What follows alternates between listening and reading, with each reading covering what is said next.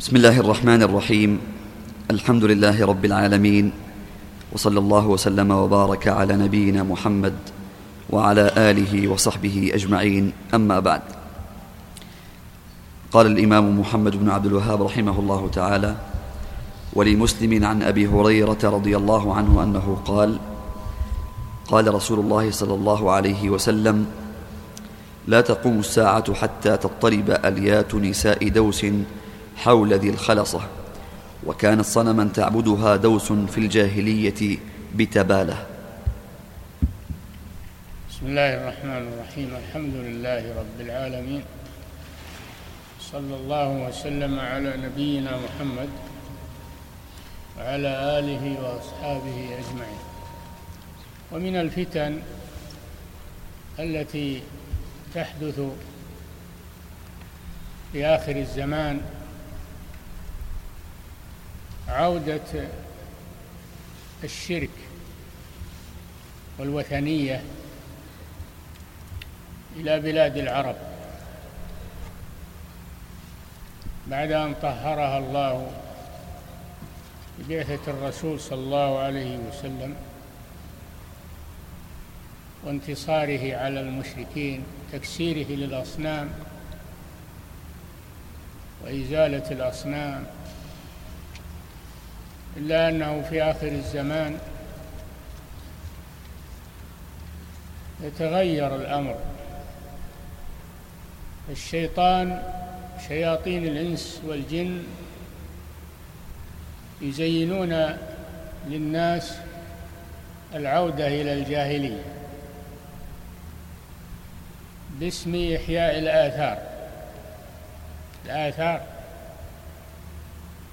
أنتم تظنونها إنها مجرد آثار فقط. لا وراها شيء هذه لأن من الآثار الأصنام. كل شيء تفعله الجاهلية يسمى بالآثار. ومنها الأصنام يسمونها آثار. فيبحثون عنها ويعيدونها. على أنها آثار. ولكن القصد قصد الشياطين من هذا عودة الشرك. لأنها إذا عادت الآثار المندرسة والمنسية المطمورة إذا عادت ألقى الشيطان في قلوب الجهال والعوام أن فيها بركة وأنها تنفع وأنهم كانوا يتبركون بها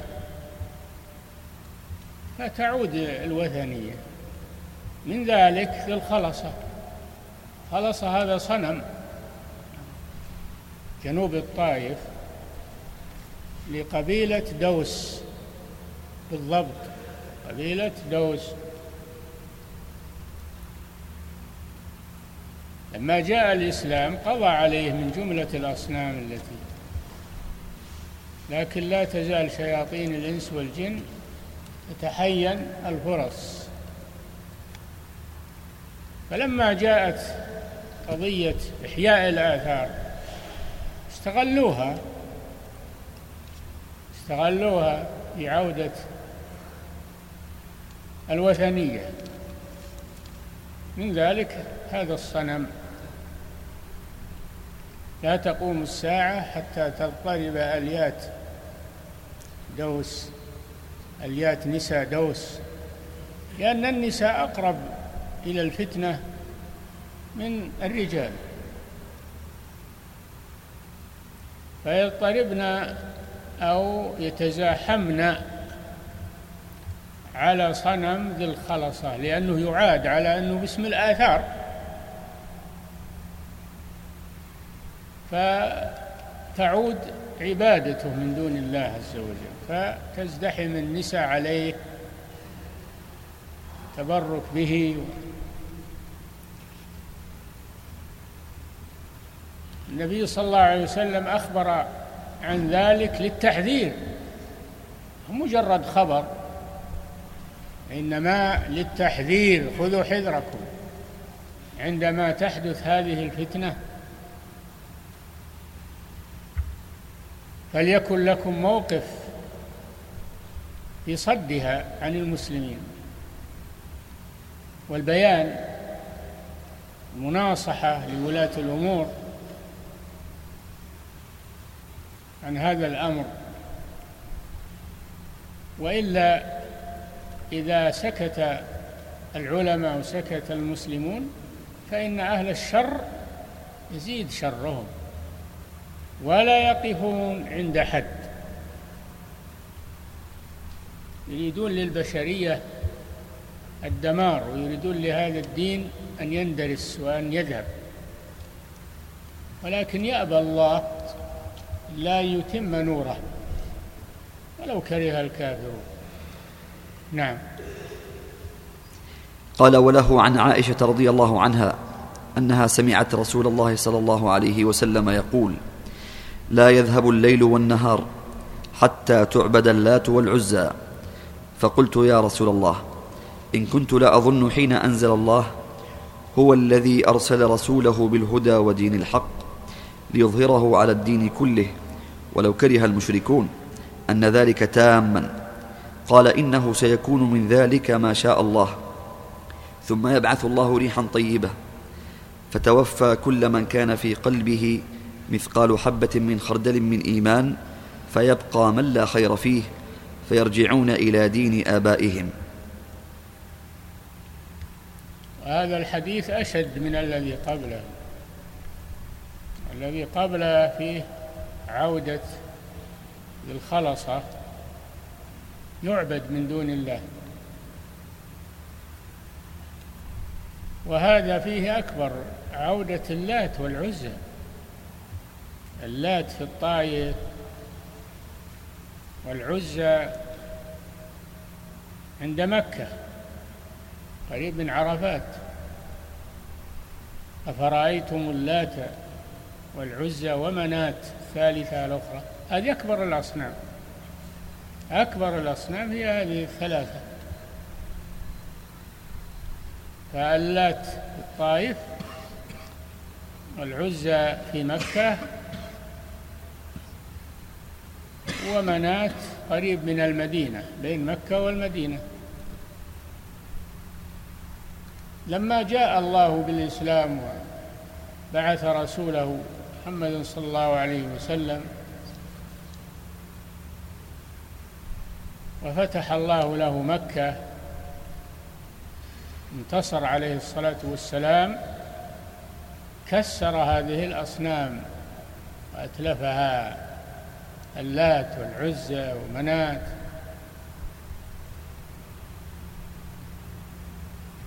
ولكن مع هذا لها لها جنود من الشياطين من شياطين الإنس والجن.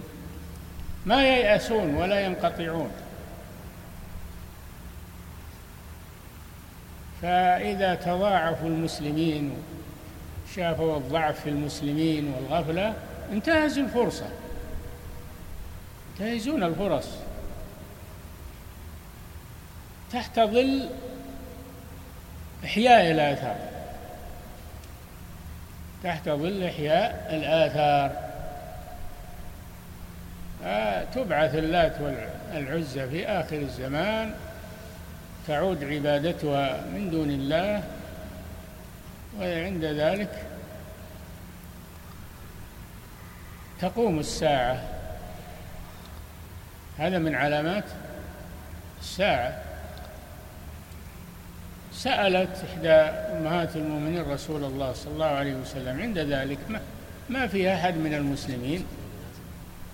هذا غريب كيف اللات والعزى تعبد من دون الله؟ وين المسلمين ذاك الوقت؟ ما في مسلمون؟ أخبر صلى الله عليه وسلم أنه إذا حصل هذا وعادت عبادة الأصنام يقبض الله أرواح المؤمنين ولا يبقى إلا الأشرار وعليهم تقوم الساعة والعياذ بالله. أما أهل الإيمان فيقبضون قبل ذلك ولا يحضرون قيام الساعة لا تقوم إلا على شرار الخلق. كل شيء له نهاية في هذه الدنيا. والدنيا نفسها لها نهاية. نعم. ولهما عن أبي هريرة رضي الله عنه أن رسول الله صلى الله عليه وسلم قال لا تقوم الساعة حتى تخرج نار من أرض الحجاز تضيء أعناق الإبل ببصرى. وهذا حصل هذا حصل فظهرت نار قرب المدينة في الحرة. ظهرت نار في الحرة قرب المدينة. ورآها الناس وبقيت أياما. تضيء لها أعناق الإبل ببصرة يعني في الشام. يصير لها لهب ولها ضوء يمتد أكبر شيء من الحيوانات الإبل.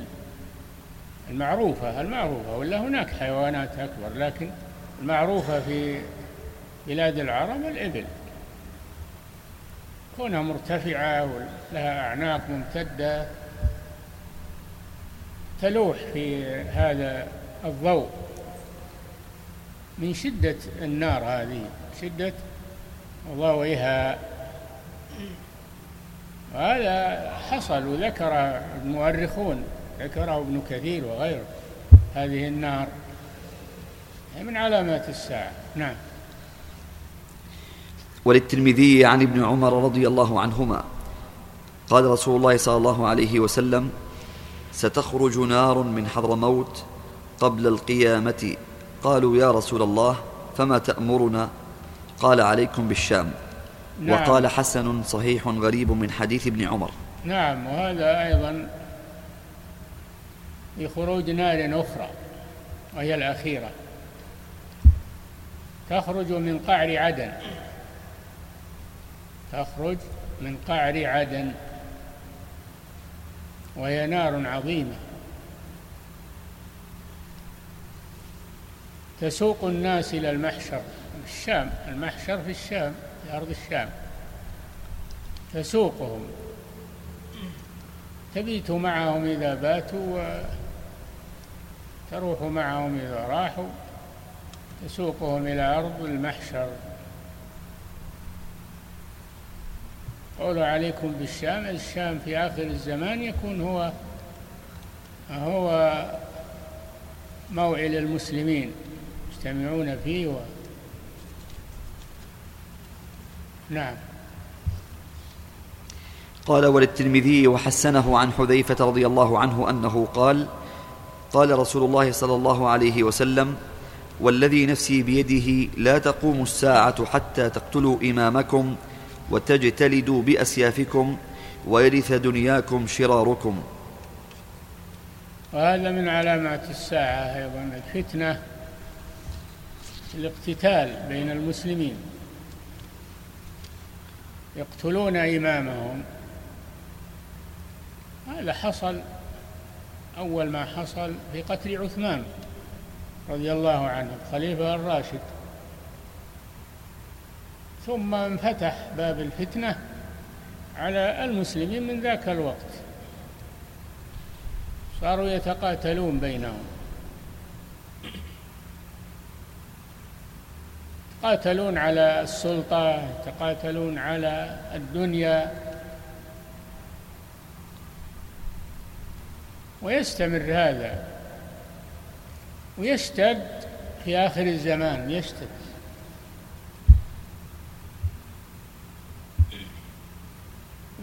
يقتلون ولاة أمورهم هذا يكون باسم الثورة يسمونها الثورة وكذا وكذا. والحرية والديمقراطية إلى آخره.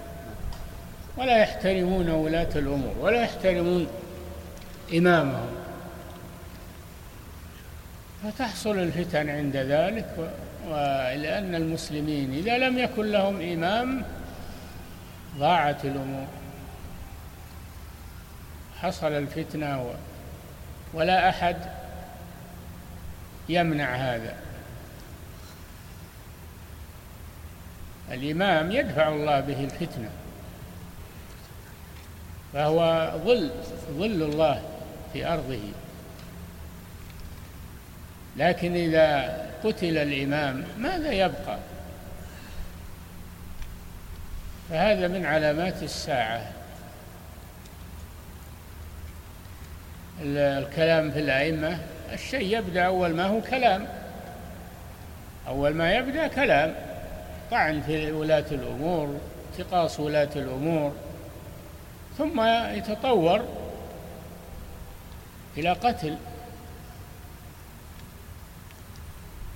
هذا من الفتن التي تكون في آخر الزمان. ولا حول ولا قوة إلا بالله. نعم. قال وله يتنافسون في الدنيا. إذا بعد ذلك يتنافسون في الدنيا ويقتل بعضهم بعضا على الدنيا.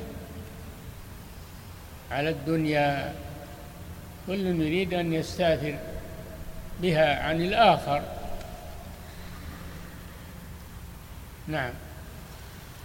قال وله عن أبي سعيد رضي الله عنه أنه قال قال رسول الله صلى الله عليه وسلم والذي نفسي بيده لا تقوم الساعة حتى يكلم السباع الإنس وحتى يكلم الرجل حتى يكلم الرجل عذبة سوطه وشراك نعله ويخبره فخذه بما أحدث أهله بعده.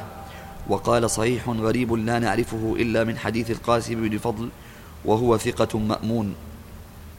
وهذا أيضا فيه ذكر شيء من علامات الساعة وقرب وقوعها. وهو أنها تنطق الأشياء التي ما كانت تنطق من قبل. تنطق الأشياء تنطق عذبة الصوت صوت العصا اللي مع الإنسان. فخذه تكلمه. وهذا والله أعلم. أنه سيكون في في آخر الزمان عند قرب قيام الساعة. يحدث أن هذه الأشياء تنطق وتخبر بما يحصل تخبر الرجل بما يحصل عند أهله. الله على كل شيء قدير سبحانه وتعالى. ينطق هذه الأشياء. السباع أيضا تتكلم تخاطب الناس. وأنتم لا تستغربوا شيء في هذا. ما دام صح عن الرسول صلى الله عليه وسلم فيجب الإيمان به. أما كيفيته وكيف يحدث الله أعلم. يحدث الله جل وعلا يحدث ما لا نعلم ويخلق ما لا تعلمون. نعم. ولمسلم عن أبي هريرة أن رسول الله صلى الله عليه وسلم قال لا تقوم الساعة حتى يكثر المال ويفيض وحتى يخرج الرجل زكاة ماله فلا يجد أحدا يقبلها منه وحتى تعود أرض العرب مروجا وانهارا. هذه أيضا من علامات الساعة. الأولى كثرة المال. المال فتنة. كثرته ليست علامة خير علامة شر. إنما أموالكم وأولادكم فتنة. يبتلي الله بها الناس. فيحصل الحسد يحصل تقاطع على الدنيا ويحصل القتل. على الدنيا ويحصل شرور. يفيض المال في آخر الزمان. وهذا ليس علامة خير. كلا إن الإنسان ليطغى أن رآه استغنى. والغنى يطغي. الغنى يطغي.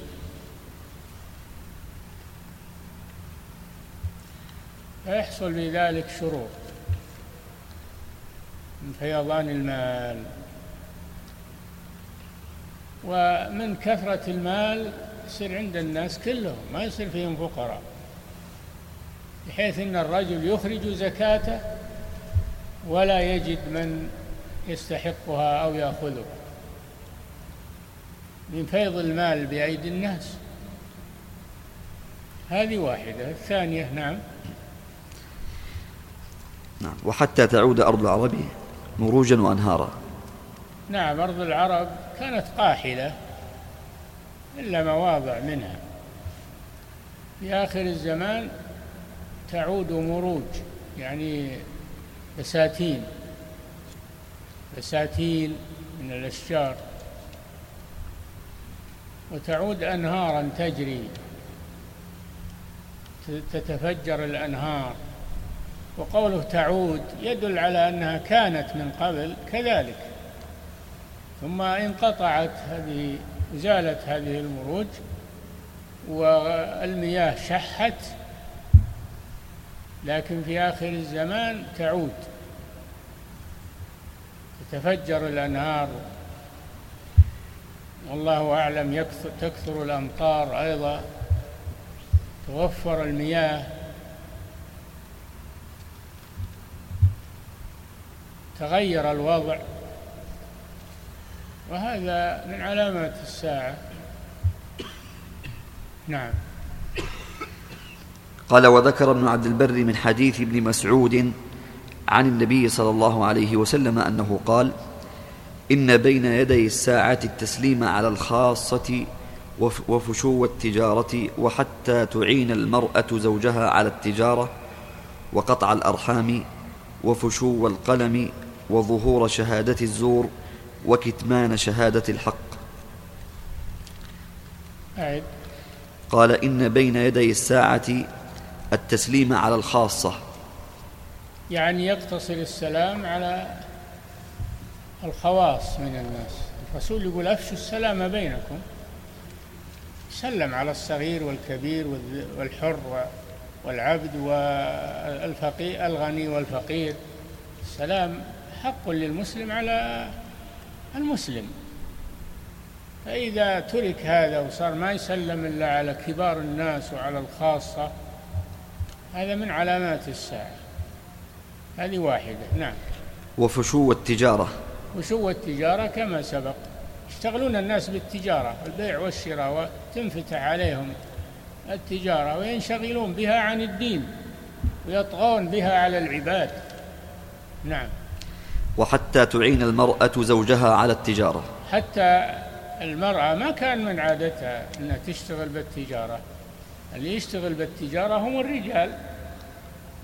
والمرأة تقوم بأمور البيت تربية الأولاد. ولا تشتغل بالتجارة. في آخر الزمان تشتغل بالتجارة مع زوجها تشارك زوجها. أو تنفرد هي. كما ترون الآن النساء والأموال بأيديهن تاجر مثل الرجال أو أكثر. هذا الشيء ما جرى في الزمان السابق هذا من علامات الساعة. الرسول صلى الله عليه وسلم لا ينطق عن الهوى فما أخبر به لا بد يقع. وهو يخبر بذلك للتحذير. تحذير المسلم إذا أدرك هذا الشيء أن يأخذ حذره. نعم. أيضا. وقطع الأرحام. قطيعة الأرحام في آخر الزمان. تقاطعون عند الدنيا. الواحد ما وأيضا ينشغلون ينشغل بعضهم عن بعض. ما يفكر بأقاربه. ويزورهم ويزورونه. لا مشغول مشغول بدنياه مشغول ليل ونهار. يمكن إذا حصل له شيء من الفراغ ينام يرتاح. إذا استيقظ يلا أعماله. ولا يفرغ أنه لأقاربه أو يزورونه أو يزورهم. ما يفرغ لهذا. مشغول بالدنيا. نعم. وفشو القلم. فشو القلم؟ يعني كثرة التعليم. من أول ما يتعلم إلا أفراد من الناس. ما يتعلم إلا أفراد من الناس. يتعلمون العلم الشرعي وبعضهم تعلم الكتابة اللي يكتبون نادر من أول. تجد البلد ما بها إلا كاتب واحد. والآن فتحت المدارس وأقبل الناس الحاضرة والبادية كلهم تعلموا الآن كلهم يكتبون. كلهم يكتبون الرجال والنساء والأطفال والكبار كلهم يكتبون. ما في أحد ما يكتب. والدول تتسابق إلى محو الأمية ما يسمونه محو الأمية ما يخلون أحد ما يتعلم. يبقى أمي لا يكتب ولا يقرأ. هذا من علامات الساعة. نعم. وظهور شهادة الزور. ظهور شهادة الزور. من التنافس في الدنيا يحصل شهادة الزور. وشهادة الزور هي الشهادة الكاذبة. الشهادة الكاذبة. من أجل يحصل الشاهد على طمع أو من أجل أن يضر من لا يحبه يشهد عليه يضره ويكيد له أو يأخذ في مقابل هذا مال أو غير ذلك. والله جل وعلا أمر بالشهادة عن علم وعن معرفة. لمن شهد بالحق وهم يعلمون. شهادة الزور من أكبر الكبائر. شهادة الزور من أكبر الكبائر. لا تزال قدم صاحب الزور حتى تجب له النار يوم القيامة. آه، شهادة الزور خطيرة جدا. تكثر في آخر الزمان. لأنه يخف في الدين. تظهر الأهواء والأطماع. يفزع لمن يحب أو من يريد. يفزع له بالشهادة. فزع. يسمونه فزع له. ولو كان إنه يكذب يشهد له. واللي ما يشهد عندهم هذا ما في خير. ولا به إعانة للآخر. يذمونه يقول هذا ما في خير. يبخل بالشهادة. لو ما عنده خبر يشهد يشهد من باب المجاملة من باب الطمع من باب الحقد على المشهود عليه إلى آخره. الشهادة أمرها خطير جدا. لا بد أن الإنسان ما يشهد إلا عند الحاجة ولا بد أن يشهد بما يعلم. وما لا يعلم يقول لا ما أدري. نعم. وكتمان شهادة الحق. كتمان شهادة الحق. يشهدون بالزور والكذب وأما الحق اللي عنده شهادة حق هذا يكتمها كتمان الشهادة نهى الله عنه ولا تكتموا الشهادة. من يكتمها فإنه آثم قلبه لأن الشهادة تبين الحق ويحتاج الناس إليها شهادة الحق الشهادة عن علم صدق يحتاجها الناس. البينة على المدعي والبينة هي الشهود. منين يلقى شهود إذا كتمت الشهادة بالحق شهد الناس بالزور لأنه لا بد من الشهادة. لا منه صاحب الحق واللي عنده خبر وعلم كتم الشهادة عند ذلك تحصل شهادة الزور.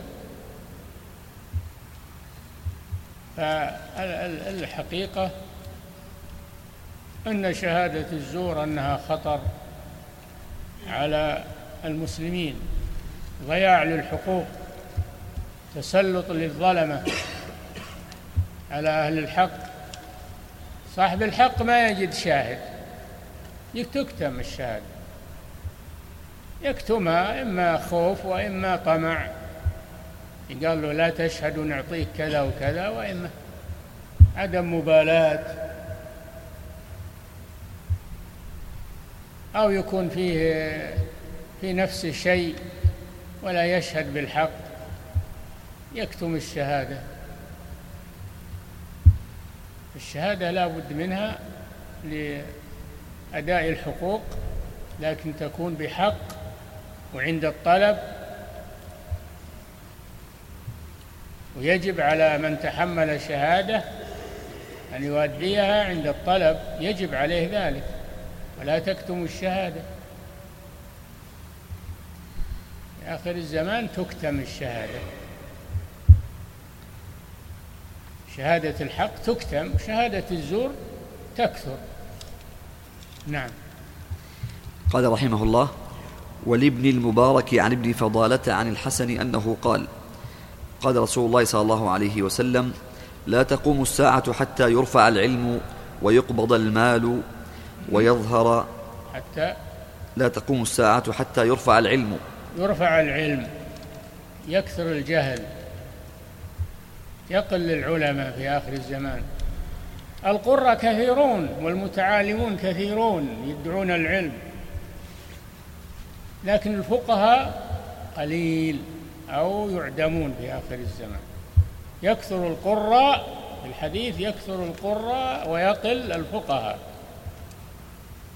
ولا القراء ما فيهم فائدة وإن كانوا يحفظون ويقرؤون ويطالعون ما هو هذا هو العلم. العلم هو الفقه والفهم في دين الله عز وجل وهو الحكمة التي يؤتيها الله من يشاء. هذا يقل في آخر الزمان. يكثر القراء ويقل الفقهاء. يرفع العلم. نعم. ويقبض المال.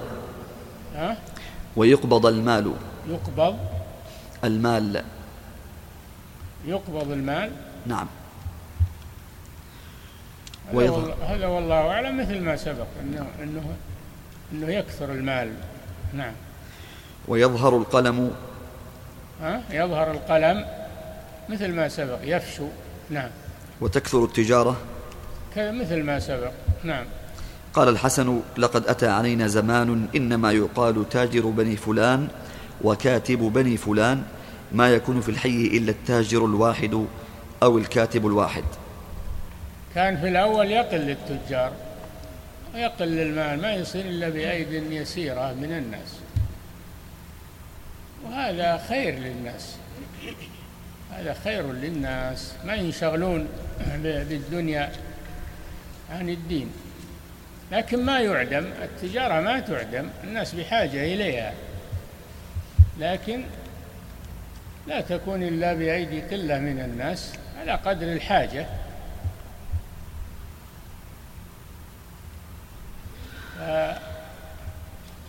وكذلك الكتابة ما تعدم الناس بحاجة إلى الكتابة. لا تعدم لكن الكتاب قليل قليلون. وهذا شيء أدركناه. ما في بعض البلد بعض البلدان ما فيها كاتب إلا واحد فقط. يجون له الناس من بعيد يكتب له رسائل والوثائق. والآن كما سبق فشى التعليم. تعلم للدنيا فشى التعليم والكتابة. صار الآن كل يكتب. قال نادر اللي تشوفه ما يكتب الآن. أما كل يكتب الآن. الرجال والنساء الكبار والصغار كل يكتب ويقرأ. هذا من علامات الساعة. نعم. قال وللبخاري عن معاوية رضي الله عنه أنه قال سمعت رسول الله صلى الله عليه وسلم يقول إن من أشراط الساعة أن يقل العلم ويظهر الجهل ويظهر الزنا ويكثر النساء ويقل الرجال حتى تكون لخمسين حتى تكون لخمسين امرأة القيم الواحد. نعم أعد إن من أشراط الساعة أن يقل العلم ويظهر الجهل. من أشراط الساعة والأشراط العلامات. قد جاء أشراطها أي علاماتها. أن يقل العلم. هو الحمد لله ما يعدم لكن يقل. بدل ما كان العلم الشرعي كثيرا في المسلمين عليه إقبال اللي يتعلمون الآن كثيرون والجامعات مفتوحة واللي يتخرجون كثيرون لكن ما فيهم علماء. ما فيهم علماء. معه أرفع الشهادات ولو تسأله عن أسهل المسائل ما استطاع يجاوب جواب صحيح. الفرق بين فسو التعليم والعلم الشرعي. ما يقبلون الناس على تعلم العلوم الشرعية. هذا من علامات الساعة. لذلك تجد الآن الفقهاء قليلين جدا. قليلين. كثير المتعلمون واللي معهم شهادات مرتفعة ولكن ما عندهم فقه. الفقه نادر الآن ويقل في آخر الزمان. ما نقول ينقطع لكن يقل جدا. نعم. هذه واحدة. ويظهر الجهل. يظهر الجهل. إذا إذا قل العلم كثر الجهل. وإذا كثر العلم قل الجهل. نعم. ويظهر الزنا. هذه المصيبة. يظهر الزنا. إيش سبب الزنا؟ الزنا كل يعرف إنه حرام وإنه لكن ما سبب ظهوره وكثرته. سببه انفلات النساء انفلات النساء وإعطائهن الحرية وإعطائهن الأعمال مع الرجال كما ينادى به الآن هذا مدعاة لكثرة الزنا لأن الشهوة موجودة في الناس رجالا ونساء ما راحت الشهوة. فإذا تبرجت النساء وتعطرت وخرجت للأسواق وللمكاتب وللكاشيرات والبيع والشراء واستلمت الأعمال واختلطت بالرجال الشهوة موجودة والشيطان موجود. يحصل التحرش يحصل الفتنة. أما إذا ضبطت النساء وانضبطت أمنت الفتنة. لكن إذا أطلقت النساء ونادى من ينادي من الأشرار بحرية المرأة كما يقولون وهي ما هي بحرية أشد العبودية هذه. عبودية للشهوات والعياذ بالله. عبودية للشهوات. الحرية في طاعة الله عز وجل والتحرر من المعاصي فالمرأة إذا أطلقت في آخر الزمان حصل كثرة الزنا لأنه وسيلة زنا هي سيما إذا تبرجت بالزينة واختلطت بالرجال وأعطيت الحرية التامة في التجول وصار مفتاح السيارة بيدها تبي تقود السيارة وتروح للي تبي. وصارت الاتصالات تجي تأتي إليها وهي في قعر بيتها. تصل بها الأشرار تجيها الصور تنظر إلى كل شيء في الإنترنت أو أشياء أنا ما أعرفها لكن حصلت وكثرت.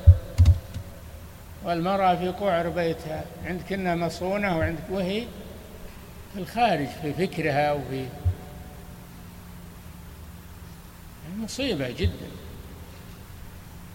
مع الخروج. مع الخروج والحرية في التنقل حتى ولو كانت في بيتها. فيه يجيها الشر. بواسطة هذه الوسائل. عند ذلك يكثر الزنا والعياذ بالله. الله جل وعلا قال ولا تقربوا الزنا. لا تقربوا. ما قال لا تزنوا فقط. لا تقربوا. معنى هذا النهي عن الوسائل التي توصل إلى الزنا. من الاختلاط من التبرج من إعطاء المرأة الحرية كيف تشاء. هذه وسائل لا تسافر. إلا مع ذي محرم يقولون لا ما ما هي ما هي محل ثقة. ما تثقون بالمرأة تتهمونه تقولون تحتاج محرم. هبة ثقة وحر حرية. تسافر بدون محرم. يريدون أن يزيلوا كل أن أن يأتوا بكل الوسائل التي تفضي إلى الزنا. يطلقونها. وينادون بأن قاعدة سد الذرائع هذه ما لها أصل ولا تصلح. هذه كبت للحريات. ما فيه قاعدة سد الذرائع التي أجمع عليها العلماء ودل عليها الكتاب والسنة يقولون لا. أطلقوا الوسائل. خلوا الوسائل مطلقة للزنا. تعطى المرأة كل شيء. عند ذلك يحصل الزنا والعياذ بالله. لأنها إذا وفرت وسائل الزنا وقع الزنا. بلا شك. نعم. ويكثر النساء ويقل الرجال حتى إيه، تكون يكثر النساء ويقل الرجال. هذا من علامات الساعة. وهذا والله أعلم لأن الرجال يتعرضون للأخطار والحروب. تأكلهم الحروب. أما النساء ما تقاتل ولا تشارك في المعارك ما تقدر ولا ما تستطيع. فيقتل الرجال بكثرة والنساء ما تقتل فتكثر عند ذلك. نعم. حتى تكون لخمسين امرأة القيم الواحد. حتى يكون لخمسين امرأة ما لها إلا رجل واحد يقوم عليها. من قلة الرجال وكثرة النساء. إما والله أعلم لأن النمو في النساء يكون أكثر والولادة للنساء تكون أكثر وإما لأن الرجال يتعرضون للأخطار و وهم أكثر هم أكثر تعرضا للأخطار من النساء ويقتلون وفي الحوادث وفي المصانع وفي هم أكثر ما يتعرض للخطر. الحروب والأسفار فهم أكثر من يتعرض للخطر من النساء. نعم هذا من علامات الساعة كثرة النساء وقلة الرجال. نعم. قال ولمسلم عن أبي موسى عن أبي موسى عن النبي صلى الله عليه وسلم لا يأتين على الناس زمان يطوف. نقف عند هذا. نعم. خليك عند حديث مسلم. نعم. أحسن الله إليكم وبارك فيكم ونفع بكم الإسلام والمسلمين. وسنقرأ من الأسئلة ما له علاقة بالدرس كما أشار إلى ذلك فضيلة الشيخ.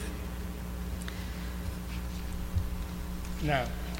هذا سائل يقول هل المنتحل الشخصية أي كانت إقامته مزورة أو هويته الوطنية مزورة هل يكون هذا داخلا في شهادة الزور؟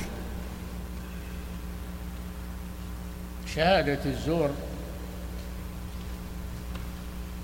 هذه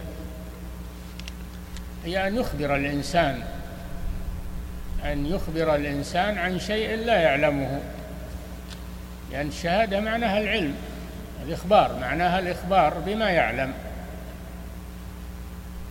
وأما تزوير الإقامة أو تزوير هذا من الكذب. هذا نوع من الزور لكن ما هو بشهادة. هذا تزوير تزوير إقامة تزوير احتيال على النظام. هذا من الكذب والاحتيال ولا يجوز هذا. نعم.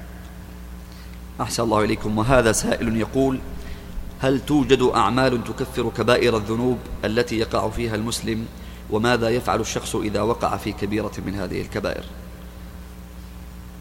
الكبائر لا يكفرها إلا التوبة. الكبائر لا يكفرها إلا التوبة من العبد أو العفو من الله جل وعلا. العفو من الله. إذا كان دون الشرك صاحب كبيرة دون الشرك قد يعفو الله عنه. أو هو يتوب من الذنب. يتوب من الذنب. لا ما في يعني تكفير للكبائر إلا بأحد أمرين. إما العفو من الله وإما التوبة من العابد. أما الصغائر فإنها تكفر بأشياء كثيرة كما في الأدلة. نعم. وهذا سائل يقول ما صحة حديث اختلاف أمتي رحمة؟ وما قولكم من لا أصل له. لا أصل له. الرحمة في الاتفاق والاجتماع وليست في الاختلاف. الفرقة عذاب والاختلاف عذاب وليس رحمة. قال الله جل وعلا ولا يزالون مختلفين إلا من رحم ربك فهم لم يختلفوا. هذا استثناء. إلا من رحم ربك يعني ولم يختلفوا. وأما وأما ما يروى حديث اختلاف أمتي رحمة فهذا لا أصل له. والرحمة اجتماع الكلمة والاتفاق. ولا تكونوا كالذين تفرقوا واختلفوا من بعد ما جاءهم البينات. نعم. وهذا سائل يقول النار التي خرجت في المدينة وأضاءت لها أعناق الإبل ببصرى أليس هو البركان؟ الله أعلم سميه ما شئت. المهم أنها نار خرجت من الأرض خرجت من الأرض وبقيت أياما. سمها بركان سمها ما تريد. نعم. الله على كل شيء قدير. نعم. وهذا سائل يقول ما هي نصيحتكم لنا آه، نحن الشباب الملتزمون الملتزمون بالدين نحو الفتن التي تحدث وكيف نتعامل مع الناس؟ عليكم بالاعتصام بالله وسؤال الله الثبات والابتعاد عن الفتن مهما أمكن. تبتعد عن الفتن وأهلها مهما أمكن. تعتزلها تبتعد عنها.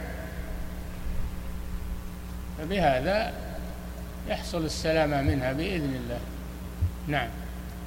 أول شيء معرفتها. إذا كنت ما تعرفها ولا تدري عنها تقع فيها. تعرف الفتن وأنواعها. ولذلك الرسول بينها لنا والعلماء اهتموا بهذه الأحاديث وجمعوها لكم لأجل أن تتجنبوها. أولا أن تعرفوها وثانيا أن تتجنبوها وتعملوا الاحتياطات من الوقوع فيها. نعم. وهذا سائل يقول آه، ذكرتم حفظكم الله أن الشهادة تكون بحق وعلى علم وأن يكون قد طلب من الشخص الشهادة. فهل يتوقف الرجل عن الإدلاء بالشهادة حتى تطلب منه؟ نعم. هذا هو الأصل أنه يتوقف ولا يشهد حتى يطلب منه. لكن في حالة ما إذا لم يعلم عنده شهادة وخشي من ضياع حق المحق فإنه يؤديها. إذا لم إذا كان ما ما دري صاحب الحق إن عندك له شهادة. ولا وجد من يشهد. وأنت عندك شهادة تؤديها ولو لم تطلب منك في هذه الحالة. نعم. وهذا سائل يقول ما حكم تمثيل الصحابة؟ ها؟ لا يجوز تمثيل الصحابة لأن هذا تنقص لهم. ومن الذي يبي يتقمص شخصية صحابي؟ ما ما يجوز يعني. الصحابة لهم قدرهم لهم مكانتهم. ولا يجوز تقمص شخصياتهم لأن هذا فيه تنقص لهم. كذب. كذب عليهم. قد صدرت القرارات من المجامع الفقهية اختلاف أنواعها ومحلاتها أجمعوا على تحريم تمثيل الصحابة ولم يفتي في هذا إلا شذاذ لا قيمة لهم. أما العلماء الذين يؤخذ بأقوالهم فهم أجمعوا على ذلك صدرت قرارات من هيئة كبار العلماء ومن المجامع الفقهية في الرابطة وفي آه، المجمع الفقهي العالمي. كلها أصدروا قرارات بالمنع. نعم. وهذا سائل يقول كيف يعرف العبد أن الله يحبه وهل لذلك علامات؟ الله أعلم على العبد أنه يكثر من الطاعات فيحبه الله. الرسول صلى الله عليه وسلم أخبر عن الله جل وعلا أنه قال ولا يزال عبدي يتقرب إلي بالنوافل حتى أحبه فإذا أحببته كنت سمعه الذي يسمع به وبصره الذي يبصر به ويده التي يبطش بها ورجله التي يمشي بها ولئن سألني لأعطينه ولئن استعاذني لأعيذنه ومن أسباب محبة الله للعبد التقرب إلى الله بالطاعات. أولا أداء الفرائض. وثانيا أداء النوافل. نعم. أحسن الله إليكم. وهذا سؤال يقول فيه السائل توفيت امرأة وهي حامل في الشهر السابع وكان الجنين يتحرك عند تغسيلها. فعمدت إحدى المغسلات إلى ضرب بطنها حتى سكن الجنين وفارق الحياة. أعوذ بالله. فما لا يجوز. هذا لا يجوز. قتلته.